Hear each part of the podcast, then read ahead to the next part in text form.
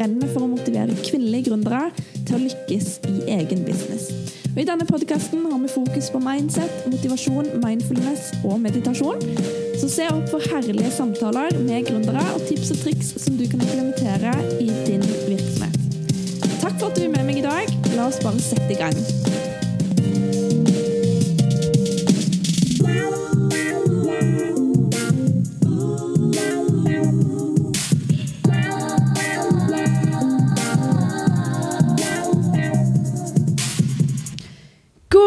Morgen! Oi! Velkommen til episode 16 i Empowering Woman-podkasten. Herregud, nå har vi 16 podkaster ute. Og i dagens episode så skal vi snakke om noe som er like viktig som morgenrutinen, nemlig kveldsrutinen. Det er i hvert fall uhyre viktig for meg. Det å starte dagen bra og avslutte dagen bra. Ikke bare bra, men på best mulig måte for eh, meg som driver business hjemmefra. Så hva er egentlig en god kveldsrutine? Jeg vet ikke med deg, men hos meg så er jeg i hvert fall utrolig effektiv på kvelden. Og det er flere som kjenner seg igjen, mest sannsynligvis. Kvelden for meg er på en måte en tid hvor jeg er avslappa, og når jeg er avslappa, så får jeg gjort veldig mye eh, med et klarere tankesett. Og det er akkurat som om ideene de rett og slett de bare strømmer på, én etter én. Og skrivelysten den øker. Engasjementet øker. Og jeg klarer nesten ikke å vente med å jobbe til neste morgen. Faktum er det at eh, som regel så klarer jeg ikke å vente med det. Jeg, sitter, jeg kan sitte mange timer på kvelden og arbeide, og tida bare flyr. Det jeg som regel gjør, er at jeg tenner lys, jeg eh, har på rolig musikk i bakgrunnen, sitter på sofaen med en god kopp te og PC-en på puta i fanget og jeg nyter roen, og jeg nyter arbeidslysten. Er det flere sånne som har det litt sånn som meg? Eller er de fleste morgenfugler med sykt effektive dager? I hvert fall når alt kommer til alt, så kan det være kjekt med en god avslutning på dagen, hvor jobb, PC, mobil, TV og alt det andre blir lagt vekk. Hvor man heller bruker tid på det å gå gjennom tankene og sortere de. Så det som for meg skaper en ordentlig god kveldsrutine, det er det å ta fram penn og papir, eller en bok. Jeg har en bok som jeg pleier å notere ting i. Eh, og der noterer jeg følgende, altså hvordan dagen har sett ut, hva som var bra, hva som ikke var så bra, hva jeg kan forbedre, hva jeg ble skikkelig fornøyd med. Og så fyller jeg inn hva jeg er nødt til å gjøre de neste dagene. Er det noe jeg ikke rakk i dag, som jeg må ta igjen i morgen? Og hvordan går det med målet mitt? Er jeg langt ifra målet mitt, eller nærmer jeg målet mitt? Eh, og til slutt, hva, hva trenger jeg å, å, gjøre mer av for å komme til målet mitt litt raskere? Hva er mine viktigste to do's? Hva bør jeg fortsette å gjøre?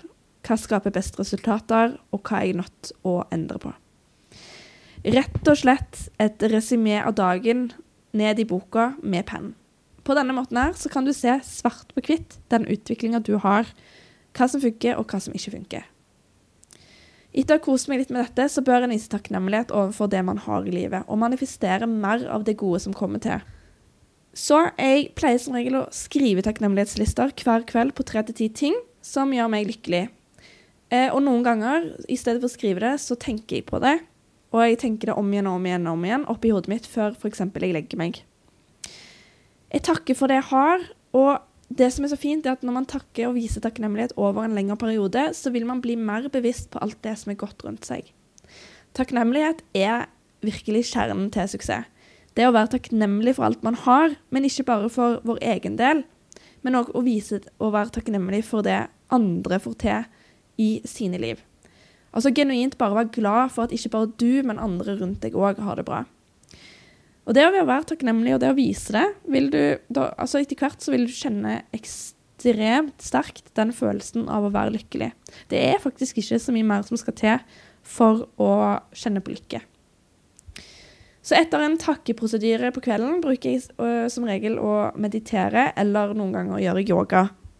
Det er ikke alltid jeg er like flink til å gjøre yoga, men som regel så mediterer jeg.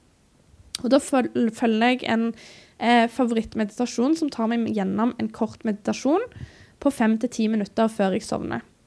Så da får jeg slappet helt av. Jeg, eh, jeg blir eh, Altså, jeg kommer inn i en sånn god greie og får en ekstremt god natt med noen timer på øyet.